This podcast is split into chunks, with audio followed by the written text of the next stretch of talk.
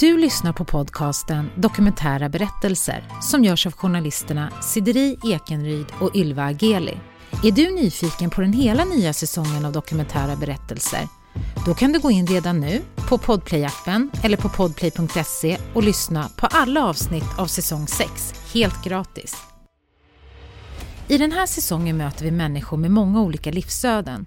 Du kommer bland annat att få höra om hur det är att vara asexuell att ha arbetat som prostituerad, att vara uppvuxen i Livets Ord eller i den iranska oppositionsgruppen Folkets Mujahedin. Vi undrar också vad som händer efter döden. Så gå in på Podplay och lyssna på hela säsongen redan idag och helt gratis.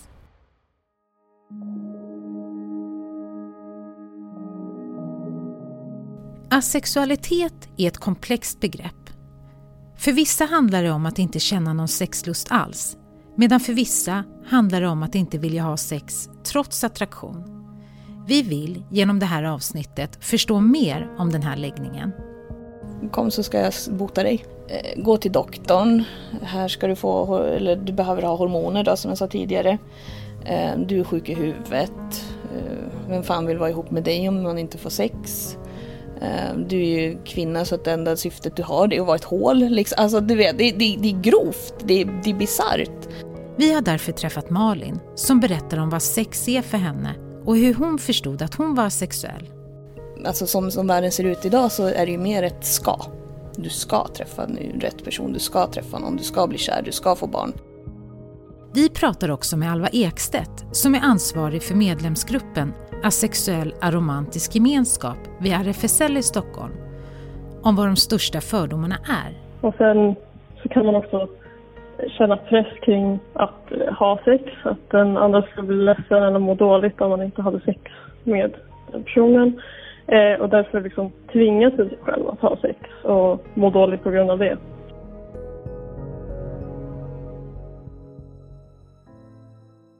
Malin växte upp i Hallstahammar och beskriver sin barndom som väldigt idyllisk.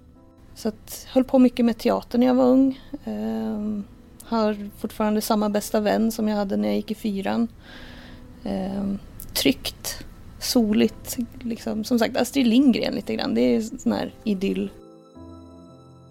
Hon har svårt att minnas när hon började reflektera över sin sexualitet eftersom man ofta växer upp med en bild av världen som man inte ifrågasätter till en början precis som egentligen alla som växer upp i, i, i överhuvudtaget. Ehm, vi lever ju med en heteronorm, en eh, amatonormativ värld. Alltså att eh, vi tror att alla ska känna samma typ av kärlek och sexuell attraktion till andra människor. Ehm, så att jag menar, när börjar man börja fundera över hur, hur man är och vem man är? Det gör man ju jättetidigt. Alltså vi vet ju idag att fyra, fem, sexåringar börjar fundera på kärlek. Ehm, och när jag gick i tvåan, då hade jag min första så här oj-upplevelse. Att shit, jag upplever inte världen som alla andra gör. Mina klasskompisar, de hade en helt, helt annan syn på ja, men det här med fjärilar i magen och liksom jag ska bli kär i den och jag ska vara ihop med den och sådär. Så att redan då, alltså när jag var sju, åtta år. Men då har man ju inga ord för vad det är man känner utan då var det ju mer att jag är inte som alla andra. När hon är 14 år gammal surfar hon runt på internet och ser för första gången ordet asexuell. Jag upptäckte att hoppsan, det finns ett ord för folk som inte upplever sexuell attraktion. Men då kände jag fortfarande att jag var liksom för ung för att sätta den här stämpeln på mig själv. För att vi fick lära oss att alla liksom blommar i olika tider och den här amatonormativa världen är ju fortfarande så här att ja, men du kommer att bli kär, du kommer att träffa rätt person. Um, alltså som, som världen ser ut idag så är det ju mer ett ska. Du ska träffa nu rätt person, du ska träffa någon, du ska bli kär, du ska få barn. Um, så att jag var liksom alldeles för osäker för att ta den här stämpeln på mig själv för att jag trodde att ja, men det kommer. Det, alltså det här är så specifikt, det var, det var EU-val. Och vi stod i, alla stod i led utanför klassrummet och diskuterade så här att min pappa kommer att rösta så och min mamma kommer att rösta så här. Um, Och så står vi där utanför klassrummet och vi väntar på fröken. Och så är det en av de här liksom, populära tjejerna i klassen. Och, alltså hon är så... Hon, hon var ju poppis för att hon var så vacker liksom. Som, hur vacker en 7-8-åring kan vara. Det är liksom, alltså blont hår som bara lyste i solen och liksom såna piercande blå ögon. Och så sprang hon omkring där och så bara, vem är du kär i? Vem är du kär i? Och så skulle alla svara. Och jag kunde inte svara. Eh, när hon kom till mig. Utan hon tittade på mig och så sa, vem är du kär i? Och jag bara, jag är inte kär i någon. Alla är kära i någon, du måste vara kär i någon. Och då råkade ju jag liksom titta på en person som jag tyckte var vacker eller söt eller liksom som jag tyckte att den där skulle jag kunna, om, om jag skulle vara kär så skulle jag nog vara kär i den men jag är inte kär i den personen liksom. Men det såg ju hon. Så hon tog ju tag i det och så var jag kär i den personen enligt henne. Så hon bara, du är kär i honom och jag bara, mm, nej. jag, jag, jag tycker att han är fin. För han var jättefin liksom. Men jag var ju inte kär. Jag hade ju inte de här känslorna som de beskrev. Utan det var ju mer att liksom jag kunde titta på honom och se liksom rent ja, men estetiskt att han ser bra ut. Sådär. Eh, den mest liksom, generellt accepterade definitionen är att en asexuell person inte känner sexuell attraktion. Vi hör Alva Ekstedt som är ansvarig för medlemsgruppen Asexuell aromantisk gemenskap vid RFSL i Stockholm om hur man definierar asexualitet. Eh, en aromantisk person känner då inte romantisk attraktion. Och sen så finns det olika anledningar till att man identifierar sig som asexuell eller romantisk. Eh, vissa känner ingen sexlust och kallar sig därför asexuella till exempel. Eh, och båda termerna är ett eh, så kallade paraplybegrepp. Så eh, liksom, det är ett spektrum där andra sexualiteter och romantiska läggningar ingår. Eh, till exempel demisexuell eller demiromantisk. Det var först när jag var typ 22 som jag bara fuck it liksom. Alltså jag, jag är sexuell. Jag har inte upplevt de här känslorna. Jag kommer förmodligen inte uppleva de här känslorna. Och gör jag det så är det fine för att liksom, etiketter kan bytas ut. Man kan vara flexibel. Man kan vara liksom, en annan person idag än vad man är för 5-10 år sedan eller om, för, om 5-10 år. Um, jag hade väl sagt egentligen, alltså jag skojar ju om det här sedan jag var 14, typ att vilken dag som helst så kommer jag komma ut som asexuell. Um, och till slut så bara sa jag det, men ja, nu, nu idag, idag är dagen, idag kommer jag ut. Och det var liksom, ja. så att det var ju liksom, jag hade väl inte någon sån här officiell Tada! Utan det var mer att, nej men, nu använder jag stämpeln. Malins familj och vänner reagerar inte på något särskilt sätt. De är inte förvånade över att hon kommer ut som asexuell. Det, alltså de reaktionerna man får, det är ju liksom på nätet. Um, det är ju mer att, att folk hoppar på en på nätet eller på datingsidor eller liksom på det sättet. Alltså, för alla i min närhet och alla som jag pratar med, de är ju väldigt accepterande. Um, samma med, med kollegorna. Jag tog ju semester för att jag skulle åka till Umeå Pride och föreläsa. Det var så här, åh, häftigt! Alltså, det är ju mera liksom kör, alltså, acceptans på det sättet. För, att, för dem, för mamma och pappa och för brorsan och systrarna och alla de här så är jag ju fortfarande, jag är ju fortfarande Malin. Jag är inte, alltså, det förändras inte. Um, så på det sättet så har det varit väldigt skönt alltså att ha en sån här accepterande familj och att vännerna bara köper det. Liksom. Sen får man ju utbilda dem också. Alltså för det är ju inte alla som vet eller som förstår eller som liksom alltså, de, de tar ju inte... Det är inte så att de ifrågasätter mig men samtidigt så är det ju så här, vad, vad betyder det då? Kommer vissa kollegor till exempel, jaha okej, okay, vad ska... Mm. Ja, ja, okej. Okay. Och så, alltså, så, så, köper de det. Så att, det, är, det är skönt. Och du sa på nätet då, mm. vad hände där? Vad kan du mötas av där? Eh, hur, hur, grov får jag vara? Ja, du får hur grov du vill. eh, du har inte smakat min kuken. Eh, kom så ska jag bota dig. Ehm,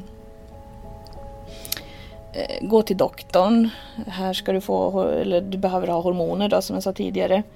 Eh, du är sjuk i huvudet. Eh, vem fan vill vara ihop med dig om man inte får sex? Eh, du är ju kvinna så att det enda syftet du har det är att vara ett hål. Liksom. Alltså du vet, det, det, det är grovt, det, det är bisarrt. Um, och det, jag har pratat om det tidigare i andra situationer. Det är liksom man blir antingen så är man en äcklig frigid robot som liksom blä, eller så är man ett, en vinst, ett, ett, föremål som man måste jaga och erövra så kan man bota mig. Det, fin, det, är, liksom, det är två läger sådär i datingvärlden. Vad finns det då för vanliga fördomar man kan möta? Alva Ekstedt igen. Vanliga fördomar tror jag är att eh, en sexualitet kommer förändras. Att man, man kommer komma fram till att man inte är asexuell och att man vill faktiskt ha sex. Det, det är en vanlig fördom. Eh, och det kan ju liksom komma från allt från en familj till någon Eh, person på en dejtingsida liksom, som tror att ja, men jag kan få dig att gilla sex. Um, och det är inte bara uh, unga sexuella som får höra det utan det är även äldre. Jag har själv hört det när jag var liksom 18. Eh, att det kommer ändra sig. Eh, och man kan, liksom, man kan jämföra det med, och man skulle inte ifrågasätta en 15-åring som säger att liksom, personlig heterosexuell men det, det förekommer ofta när det kommer till eh, asexuella tonåringar att man frågar det. Um, och sen eh, finns det också förutfattade meningar om att eh, man kan tro att liksom asexuella de gillar ingen fysisk kontakt alls. Eller att asexualitet inte existerar överhuvudtaget.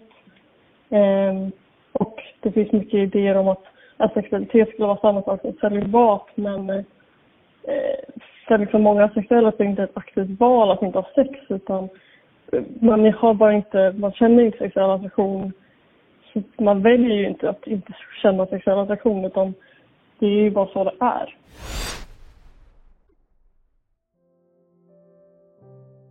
Malin menar att det alltså är vanligt för sexuella att man utsätter sig för att ha till exempel sex mot sin vilja för att möta andras behov.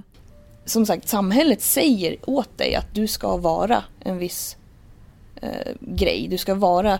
Eh, alltså vi lever fortfarande i ett väldigt heteronormativt samhälle. Eh, och sen som sagt så har vi den här amatonormativiteten att alla kommer uppleva en viss typ av kärlek, känslor. Du kommer att liksom det, så att igen det här med att den här resan man gör, alltså när man är 7-8 och upp, inser att någonting inte är samma, på samma sätt som hos alla andra. Jag menar, man tror ju att det är något fel på en själv. Alltså man tror ju att om, om, om jag inte upplever världen som du gör och du upplever världen som den personen och den personen och alla ni har samma upplevelse, då är det ju mig det är fel på.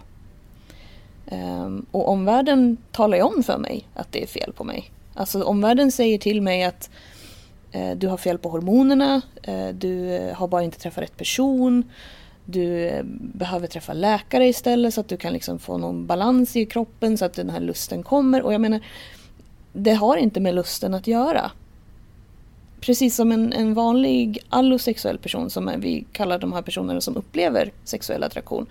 En allosexuell person kan ha olika nivåer av libido. Eh, man kan vilja ligga jättemycket, man kan vilja ligga jättelite. Precis så är det för oss också. Grejen med allosexuella personer, det är ju att de kopplar den sexuella attraktionen till den romantiska, sex, alltså sensuella ro, ro, attraktionen. För de ser ingen skillnad för att världen säger inte åt oss att undersöka. Vad är vi attraherade av? Vad är det vi vill? Utan världen säger åt oss att du är, eller du ska vara hetero. Du ska träffa en, en person utav eh, motsatt kön inom situationstecken. Eh, du ska ha två barn, villa, Volvo. Jag vet inte om det är statistiskt så, men så var det när jag växte upp. att 2,2 barn, villa, Volvo, vovve. Liksom. Det var, så skulle du ju ha det. Det fanns liksom inget annat. Som sagt, det, vi, omvärlden säger ju åt oss att det är oss det är fel på. Omvärlden säger att om du har varit med om ett trauma då, är, då kan du bli asexuell. Och jag menar, det är, det är ett valid reason. Du kan bli as, alltså, minskad lust, minskad sexuell attraktion för att du har varit med om ett trauma. Det finns asexuella som har varit med om trauma Det finns asexuella som liksom utsätter sig själva för trauman för att världen säger åt dem att det är så här ett förhållande ska vara. Um, alltså det här med samtycke är ju skitviktigt för att vi, vi blir ju tvingade in i en viss mall, alla människor. Så att när, när man liksom träffar en person och man blir kär och den personen är en alloperson och du är asexuell, då är det ju den personens lust, libido, som ofta är det som du som asexuell har att rätta dig efter. Så att du, du utsätter dig ju för saker som du inte borde. För att omvärlden säger att så här ska man göra. Alltså det här, igen, det här med samtycke är jätteviktigt och jag kan inte säga att jag gav mitt samtycke entusiastiskt. Utan där gav jag ju mitt samtycke för att folk som jag var ihop med då tyckte att det är så här man beter sig i ett förhållande. Um, och om man inte har sex, varför ska man vara ihop? Hur kändes det då efteråt? Skit. uh, det är ju skit. Alltså, det, det är jätteviktigt att man pratar med sin partner och att man liksom förstår att det här är min gräns och det här vill jag göra. Um, jag hade inte kommit ut officiellt då. Jag hade inte satt den här etiketten på mig. Utan jag träffade personer som var intresserade av mig och så tyckte de att om vi ska vara ihop så, så då ska vi göra det här. Liksom. Då är man, annars är man ju inte ihop, då är man ju bara kompisar. Ja, för vissa funkar det att till exempel leva i ett polyförhållande. Men det, det funkar inte för alla. Så ja.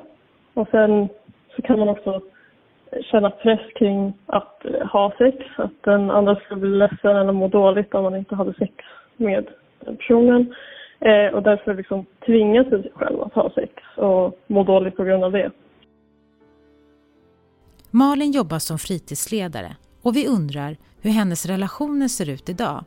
Hur dejtar man till exempel som asexuell? Eh, är man med på Tinder så kan man profilera sig som asexuell. Eh, det tycker jag är jättekul. Eh, de allra flesta, alltså om man tittar på sådana här queera datingappar då kan man skriva sexuell nu för tiden. Eh, men om man tittar på sådana här eh, typ Badoo och sådana, då är det så här, nej men då, då är det hetero eller homo som gäller. Liksom. Men då, och då får man ju välja, alltså hur öppen man vill vara, um, vågar vara, orkar vara.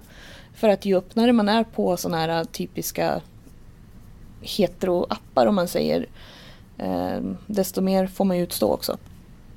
Så att det beror lite grann på orken och, och så vidare. Är det svårt att hitta någon då? Det är jättesvårt. Eh, jag har försökt ett tag. Eh, alltså det...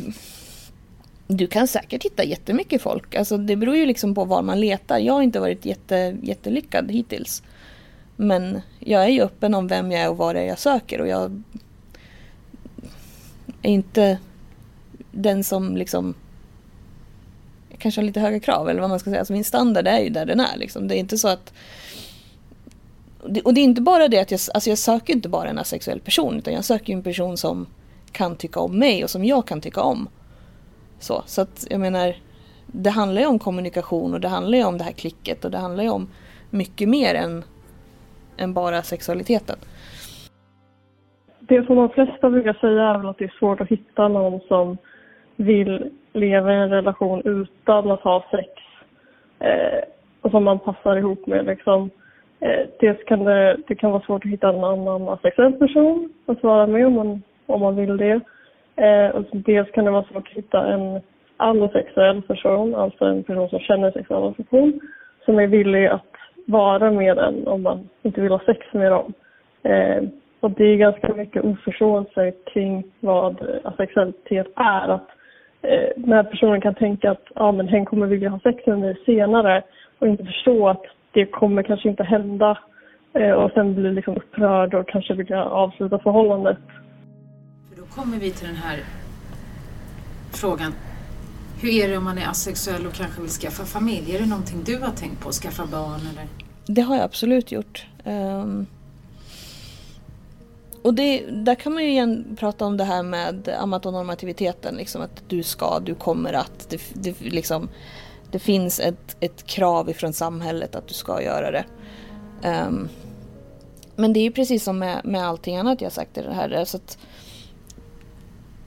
alla är olika. Det uh, finns hur många sexuella som helst som har familj, som har barn. Uh, en av mina bästa vänner är på, på nätet Uh, hon har fem barn, hon är sexuell och lever i ett heteroförhållande just nu. Um, så att jag menar, det är klart att det finns asexuella med barn. Det är klart att det finns asexuella som gifter sig, som skaffar familj. Eh, det finns asexuella som, som har liksom pälsbarn, alltså adopterar, skaffar barn själva. Ehm, det, det, det är klart. Alltså, det, det, är ju en sån här, i grund och botten, förutom det att samhället säger det såklart, så, så är det ju fortfarande en, en ganska biologisk grej att, att vilja eller inte vilja ha barn. Um, så att det, det är klart alla, att, att, att, att asexuella vill ha barn också. Jag hade en, en grej om att jag skulle åka ner till Danmark själv. Um, men sen sen gick tiden och sen så blev det så här att händer det så händer det. Liksom. Alltså jag, jag har inte bråttom. Även om jag är 35 år gammal så känner jag inte att det är inte katastrof om det inte händer längre. Alltså när jag var, när jag var i 20-årsåldern då var det ju katastrof om det inte skulle hända. Eh, då var det så här, jag ska till Danmark, jag ska göra det här, jag ska ha minst tre trippar till BB. Alltså liksom, jag hade en plan. Ehm, men samtidigt så är det så här att jag vet inte. Alltså om jag skulle bli, bli kär och träffa någon och bli gravid så händer det. Det är mera liksom nu så, nu så fokuserar jag på mig och vad jag vill och tre katter hemma och liksom jobb och jag har 54 barn på jobbet. Liksom. Alltså, det, det är sådär jag får kärlek från barn på det sättet. Och jag känner inte att jag har lust att skaffa barn själv längre. Så då måste det komma någon i så fall. Varför tror du att samhället lever efter normen att alla ska vara sexuella varelser? Då? Det har ju ganska mycket med kyrkan att göra.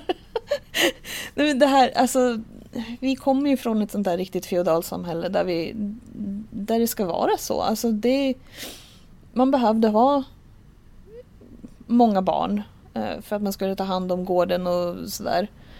Ehm, överleva liksom. Eh, och sen så ju mer vi kom upp i, i tidsåldrarna så där, det här med sexuell frihet och så vidare, att, att man började ta avstånd från kyrkan och man började med, med preventivmedel och alltså det, det är ju en det är en väldigt feministisk fråga också för att man ska få ha sex med vem man vill. När man vill och, och så, så. Men jag vet inte. Sex säljer. Alltså tvåsamhet säljer. Um, det, det, är ju jättesvårt. Och vad kom först, hönan eller ägget liksom? Um,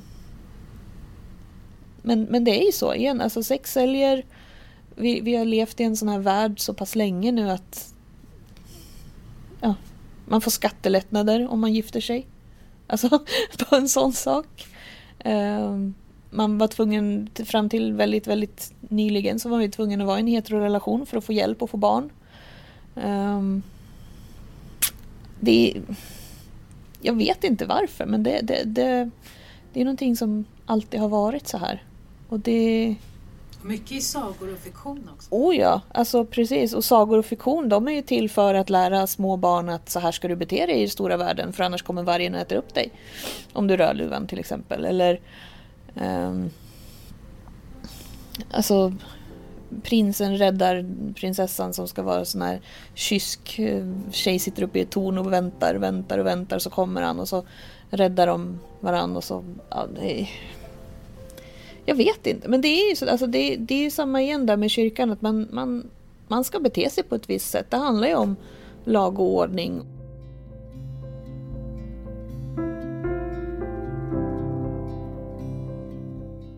Asexualitet är ett ämne som det fortfarande inte pratas så mycket om, speciellt inte de positiva aspekterna. Vi undrar om det finns några fördelar att lyfta fram. Alva Ekstedt, ansvarig för medlemsgruppen Asexuella romantisk gemenskap vid RFSL Stockholm, igen.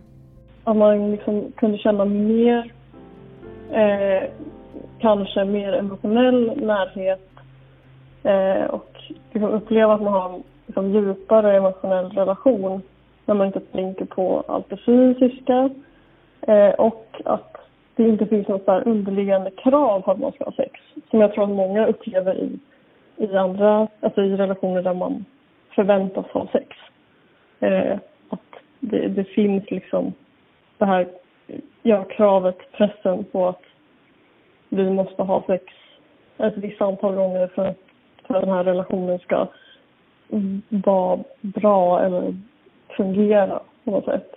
Och att liksom, om man inte har den pressen så sen om man då faktiskt har sex så kan det kännas mycket bättre. Och det kan liksom, ja, för, att man, för det finns inte den här pressen om att du ska ha det.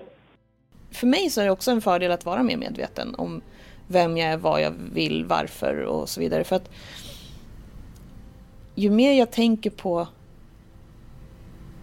vem jag är, desto lättare blir det ju för mig att förklara vem jag är. Och desto lättare blir det för mig dessutom att veta vad jag vill och var mina gränser går. Och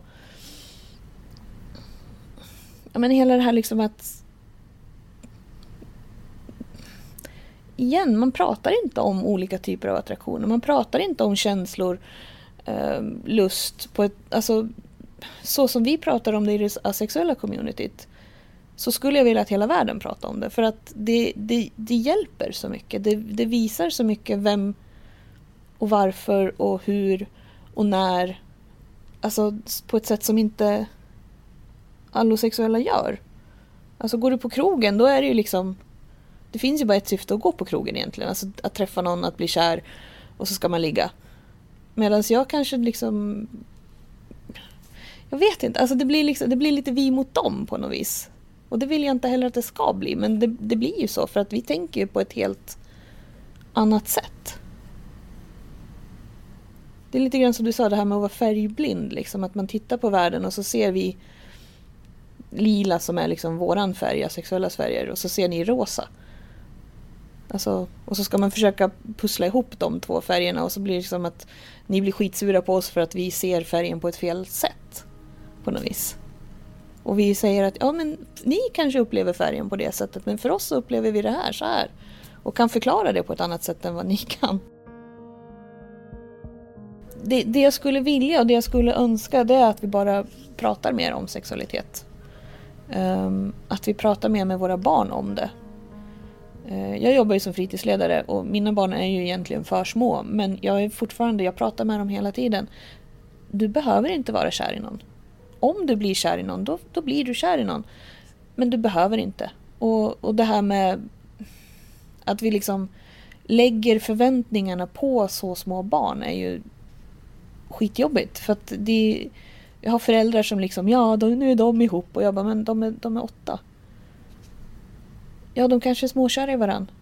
Men jag pratar med barnen om kompiskärlek och kärlek, kärlek och mamma, pappa, kärlek. Alltså, man, man måste göra skillnad och ju tidigare man börjar prata om det desto bättre tror jag att det blir.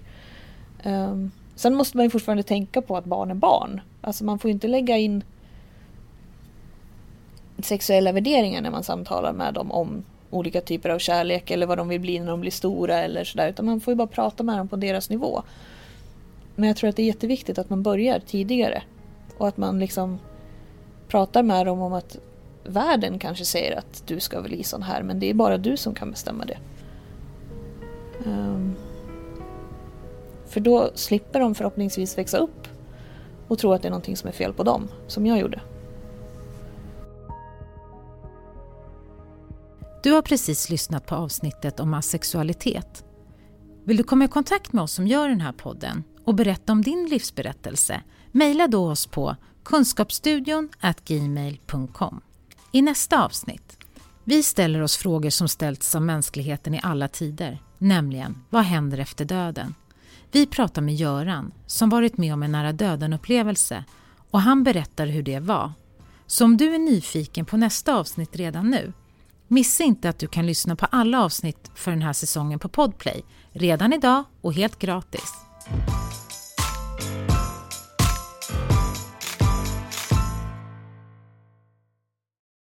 Med Hedvigs hemförsäkring är du skyddad från golv till tak oavsett om det gäller större skador eller mindre olyckor. Digital försäkring med personlig service, smidig hjälp och alltid utan bindningstid. Skaffa Hedvig så hjälper vi dig att säga upp din gamla försäkring. Hedvig Hemförsäkring, ett klick bort.